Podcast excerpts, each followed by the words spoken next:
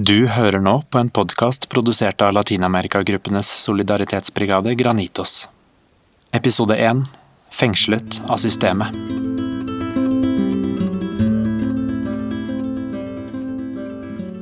Historien vi nå skal fortelle, starter på et hustak en hustrig februarkveld i San Cristobal de las Casas helt sør i Mexico. Egentlig er den kun en liten brikke i et stort puslespill av urettferdighet. Urettferdighet satt i system. Et system som har favorisert noen folkegrupper over andre. Et system som egentlig aldri starta på et hustak i 2019, men med conquistadorenes invasjon av Mellom-Amerika på 1500-tallet. Dette er en fortelling om mennesker som blir frarøvet sine liv og sin verdighet. Dere må komme opp og hilse på Alfredo. Juanpi virker opprømt. Vi har akkurat kommet inn døra på senteret for aktivister der vi bor. Vi blir med opp på takterrassen. Mellom sigarettrøyk og latter smiler Alfredo beskjedent. Mucho gusto compañeras. Han gir oss en klem. Dette er en spesiell kveld. Det er første kvelden på ti år og åtte måneder Alfredo er ute etter klokka fem på ettermiddagen. Dette er første gangen på ti år og åtte måneder 29-åringen kan bevege seg fritt helt siden han var tenåring.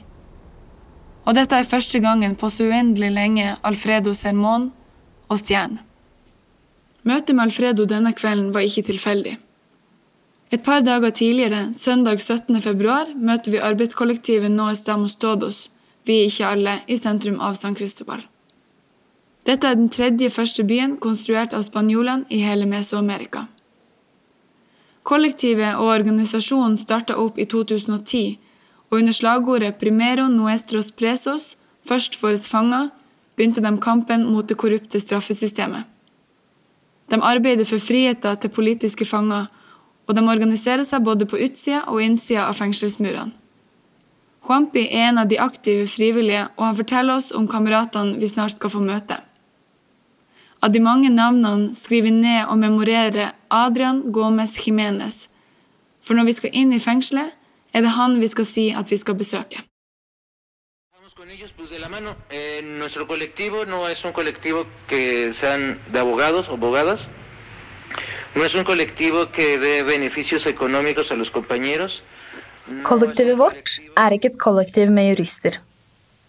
Det er ikke et kollektiv som tilbyr noen form for økonomiske fordeler til våre kamerater. Vår vei med dem er som kamerater. Hvilken som helst kamp, utenfor eller innenfor, går vi sammen og kjemper mot urettferdighetene. Vi kjemper også sammen mot et fengselssystem og leter etter en bedre verden som vil kunne romme flere verdener, og hvor fengslene ikke har en plass. En verden uten fengsler? Hvordan kunne det fungert? Som en underbygging av denne ideen forteller KMP måten de ser politiske innsatte på. Alle som sitter innenfor murene til et fengsel, er politiske fanger, ifølge dem. Dette fordi årsakene til at fengslene finnes i utgangspunktet, er det politiske systemet. En ganske kontroversiell idé, tenker vi først, som er veldig fargede av den rettspraksisen som vi er oppvokst med og vant til her i Norge. I en region hvor kollektiv håndtering av såkalte lovbrudd har vært tradisjonell praksis, er fengslene derimot et fjernt konsept. Og hvem er det som har rett til å bestemme at noe fungerer bedre enn noe annet? Torsdag morgen går vi gjennom et sentrum som gradvis våkner til en ny dag. Ser du nøye etter, kan du skimte maktrelasjonene i bybildet, som er sterkt preget av én hovedinntektskilde turismen. I dag er vi på vei ut fra byen og forlater gradvis tett bebyggelse for lange, strake landeveier.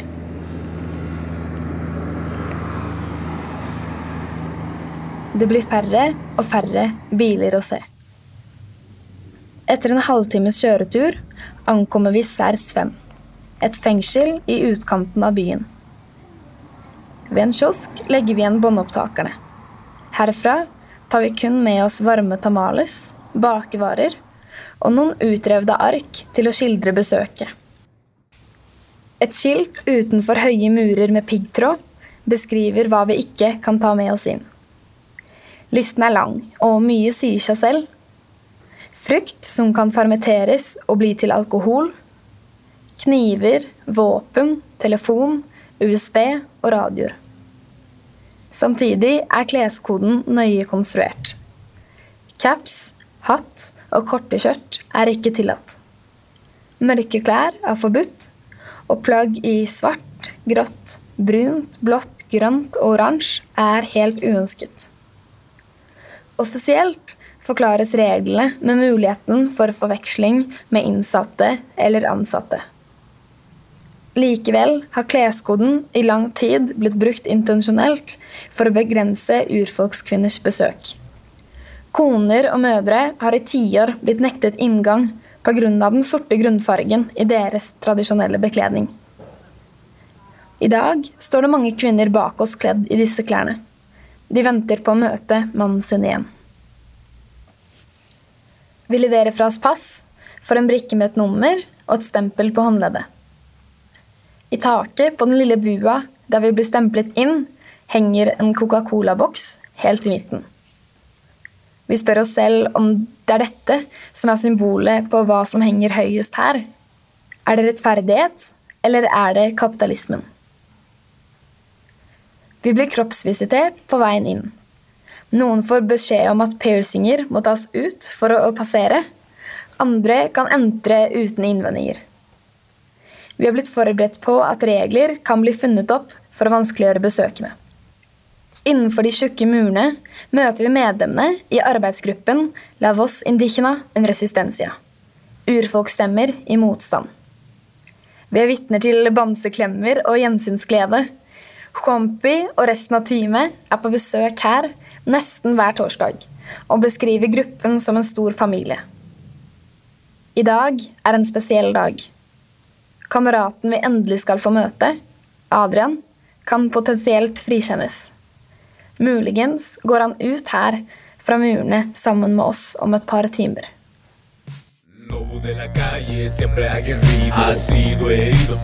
De spør oss om noen må på do før vi fortsetter. Det må jeg og følge en av kameratene, Juan, gjennom en basketbane i noe som ligner et lagerhus. Banen er omkranset av celler. De innsatte lager hengekøyer og annet håndverk. Noen henger rundt ei lita sjappa som kun selger snacks. Juan viser meg cella si. Bak hans vennlige utstråling ligger det mange bekymringer om dagen. Hvis kameraten Adrian blir frikjent i dag, er det kun han igjen i gruppa organiserte. De to har et tett bånd, og usikkerheten tærer på psyken. I cella bor det seks menn på et rom som ikke kan være mer enn ti kvadrat. Køyesenger er stabla tre stykk i høyden. Vi snakker om løst og fast. Om hans lille kjøkken hvor han kokkelerer når familien er på besøk ca. én gang i måneden. Det er et privilegium å ha et kjøkken, sier han. Det han refererer til, er ei lita benkeplate med en gasskomfyr som vender ut mot basketbanen. Familien bor omtrent en times kjøretur unna fengselet. De tar med seg bønner og grønnsaker. De innsatte er vennlige, sier Buenas Dias og smiler. Vi er extranjeros, utlendinger, og vi blir sett, men med vennlige blikk. Eminem spiller på full guffe fra høyttalerne utenfor det lille verkstedet, der noen av de innsatte lager trefigurer og møbler. Det er vanskelig å prate gjennom musikken og lyden av den elektriske saga som er hyppig i bruk días compañeros y compañeras. Les saluda un amigo y compa, de integrante de la voz indígena en resistencia, Adrián Jiménez. God dag, compañeros y compañeras. En hilsen fra en venn og kamerat, et medlem av La Voz Indigena en Resistencia, urfolksstemme i motstand, Adrian Gomez Jiménez. Staten har undertrykt mye frihet helt siden året 2004. Adrian er fra Chamula, en liten by som ligger på drøye 2000 høydemeter i Chiapas. Han er utdannet håndverker, men er anklaget for kidnapping og drap. Vi spoler tilbake til ettermiddagen da marerittet starta, 3.2.2004. Adrian jobber på et byggeprosjekt med to kollegaer. Mora til den ene kollegaen, Augustin, har nylig blitt syk. Han ønsker å finne en helbreder og spør Adrian om å bli med ned til landsbyen der den tradisjonelle legen holder til. Adrian svarer ja, og de to hopper i en taxi og avtaler å betale 100 pesos tur-retur. Sola er på tur ned i vest når de to drar av gårde rett etter jobb. Helbrederen er ikke å finne når de ankommer etter en time, og de bestemmer seg derfor for å komme tilbake neste dag. Taxien snur, og de vender hjemover.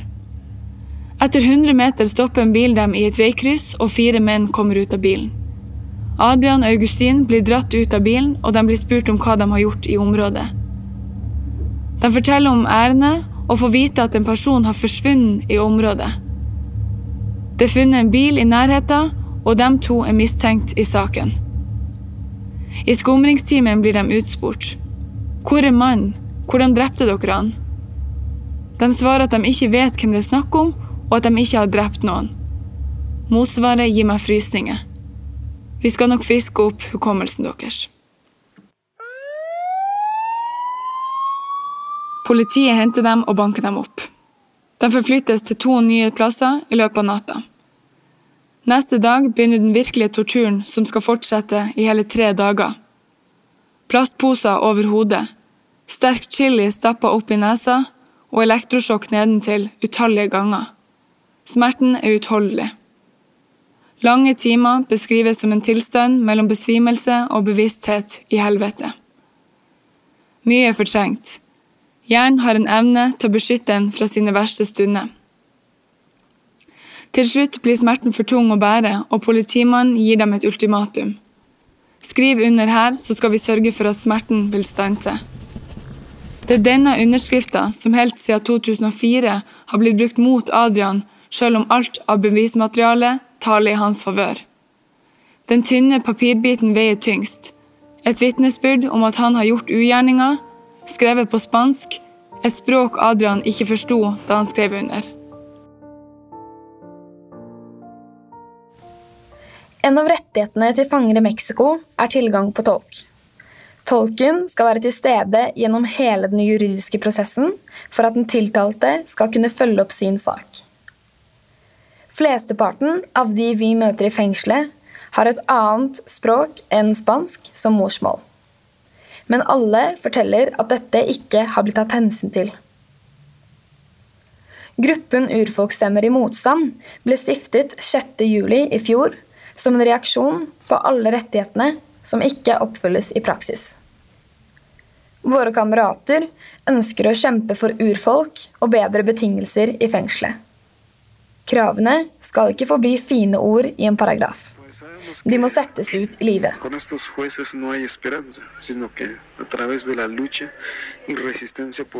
Vi vet at det ikke finnes håp slik som systemet fungerer i dag.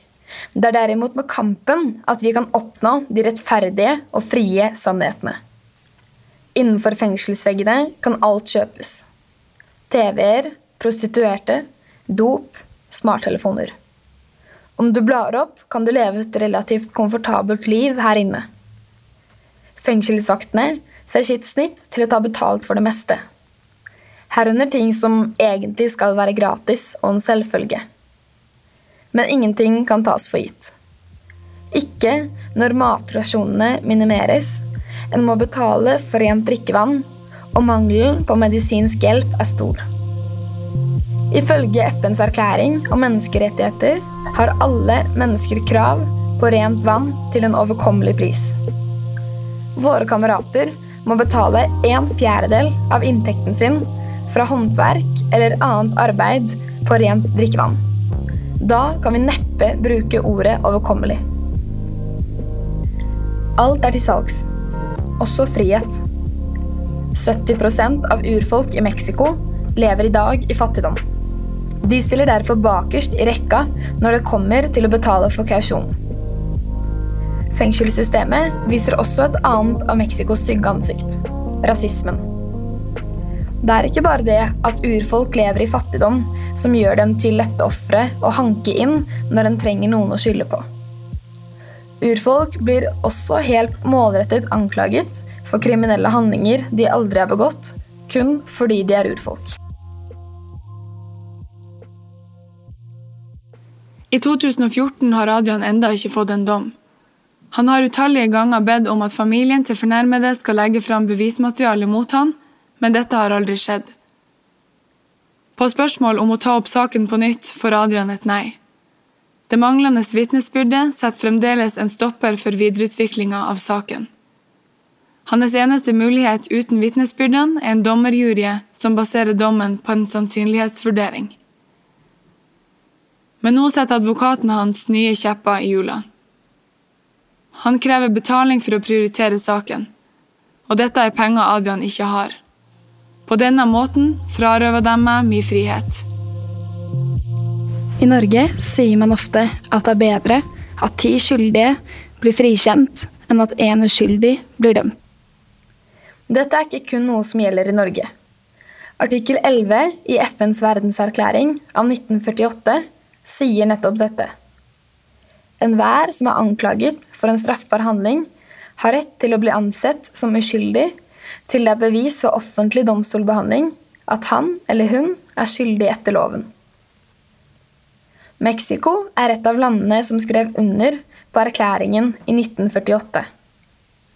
Til tross for dette var det ikke før for tre år siden at det trådte i kraft en viktig endring på føderalt nivå i Mexico. Denne fastslo at dommere er nødt til å frikjenne uskyldige som har sittet inne i to år uten dom. Utfordringen med denne lovendringen sier derimot seg selv. Hvordan blir den utøvet i praksis? Kameratene vi møter på innsiden, har alle sittet uten dom i mer enn to år. Ifølge FN satt 44% av meksikanske fanger inne uten dom i 2005. Det er sannsynlig at dette har endret seg lite de siste årene. Den 29. januar i år, kun uke før vi besøker fengselet, har Adrian fått rettssaken han har venta så lenge på. Siden 2014 har Adrian med de organiserte i ryggen fått sin tidligere forsvarsadvokat sparka fra saken pga. korrupsjon. Men utenom dette er det lite som har endra seg i saken hans. Han snakker lavmælt og ydmykt om sin egen livssituasjon som har vært lik de siste 15 årene. Det eneste som har forandra seg, er fengselsveggene. Å bli flytta til forskjellige fengsel har vært en strategi fra ledelsen. En splitt- og herskteknikk for å prøve å aktivt svekke La Voz Indígena en Resistencia sin organisering. Under samtalen flytter Adrian fokus vekk fra seg sjøl og over på det han brenner for. Han forteller oss om organiseringa og den kraften den har gitt han. Sammen hjelper de hverandre på dårlige dager.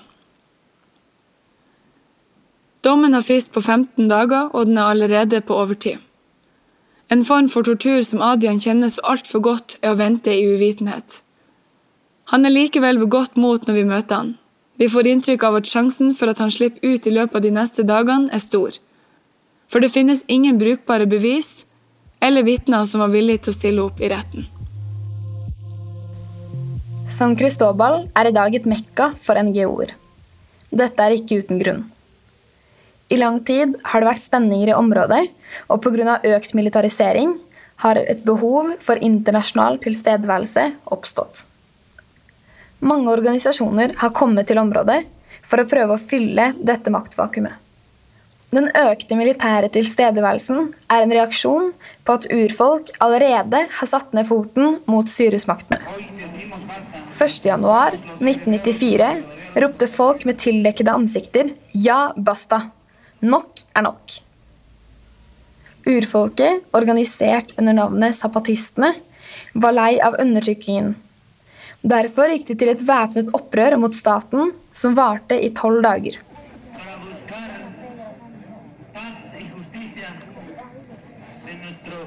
Vi sa at vi ønsket demokrati, frihet og rettferdighet for alle meksikanere, med et overordnet fokus rettet mot urbefolkningen. Vi var lei av utnyttelsen fra de mektige, og vi organiserte oss for å kunne forsvare oss selv og kjempe for rettferdighet. Bevegelsen av urfolksgrupper kjemper mot det imperialistiske og kapitalistiske systemet og de organiserer seg med et fokus på kollektivt arbeid. Fremdeles jobber de fra grasrota for å bygge opp et system som gir alle like rettigheter til jord, demokrati, rettferdighet og fred.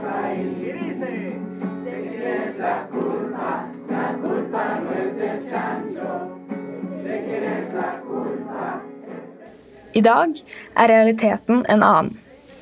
Etter 25 år i motstand er forholdet mellom zapatistene og staten fremdeles anspent. Til tross for at zapatistene tok til våpen, anser Freiba, SIPAS og flere andre menneskerettighetsorganisasjoner kampen som verdig og med motiv. Pga. gjentatte menneskerettighetsbrudd ser de samme organisasjonene behovet for å sende ut fredsobservatører. På den måten kan man rapportere om den strukturelle volden som urfolk spesielt er ofre for. Det er tydelig at det er en gjennomgående skjev maktbalanse i denne staten som er rike på naturressurser, men hvor majoriteten av befolkningen er fattige. Mexicos rettssystem kan ikke ses på isolert. Det handler ikke bare om mennesker som sitter inne for kriminelle handlinger eller handlinger de ikke har begått, men hvorfor og hvordan det har vokst fram et system som er avhengig av at noen sitter inne. Fengslene i Mexico er big business med millioner av pesos i sirkulasjon. Der både de privateide fengslene og staten tjener penger i takt med den økende befolkningen i fengselen. Derfor kommer det ikke som noen overraskelse at Mexicos fengsler har sprengt kapasitet, når staten tjener penger på å opprettholde status quo.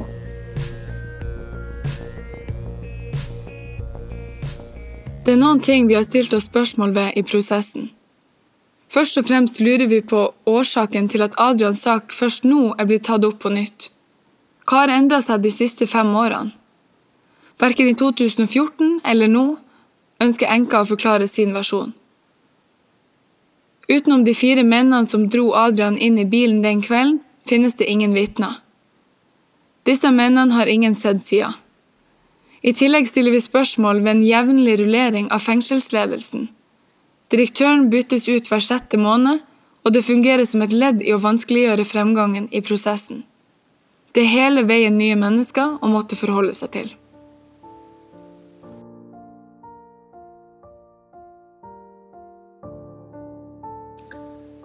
Fredag 22. februar tikker det inn en tung beskjed på telefonen. Dessverre skjedde det ikke på denne måten, til tross for at jeg har bevismateriale på min side.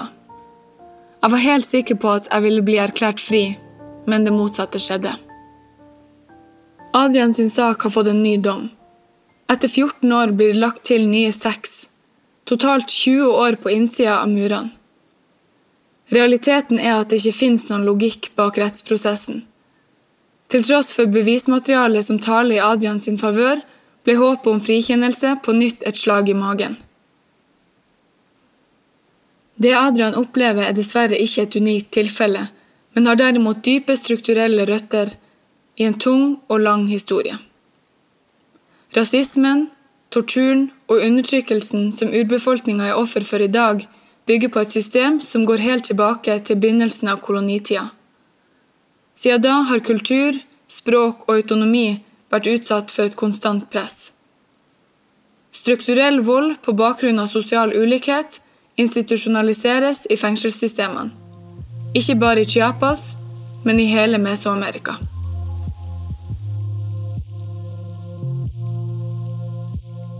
I dag, 15. mars 2019, starter La Voz Indígena en resistencia, en sultestreik con el 15 de este mes vamos a tener una acción.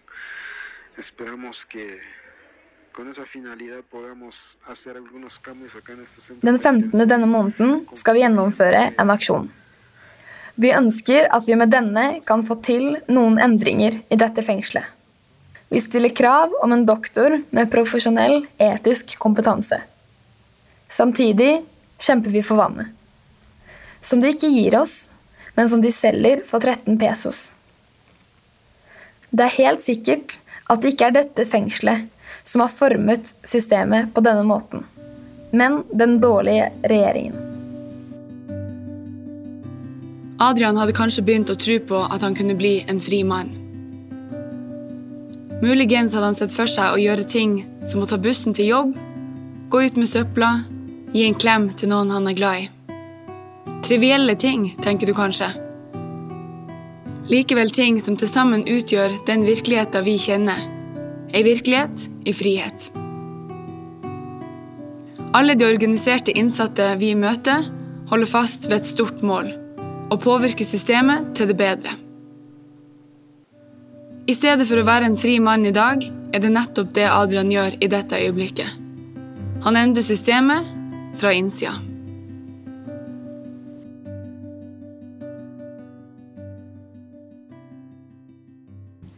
Denne episoden er laget av Latin-Amerika-gruppenes solidaritetsbrigade Granitos. Lest inn og produsert av Maria Lindberg og Vilma Taubo.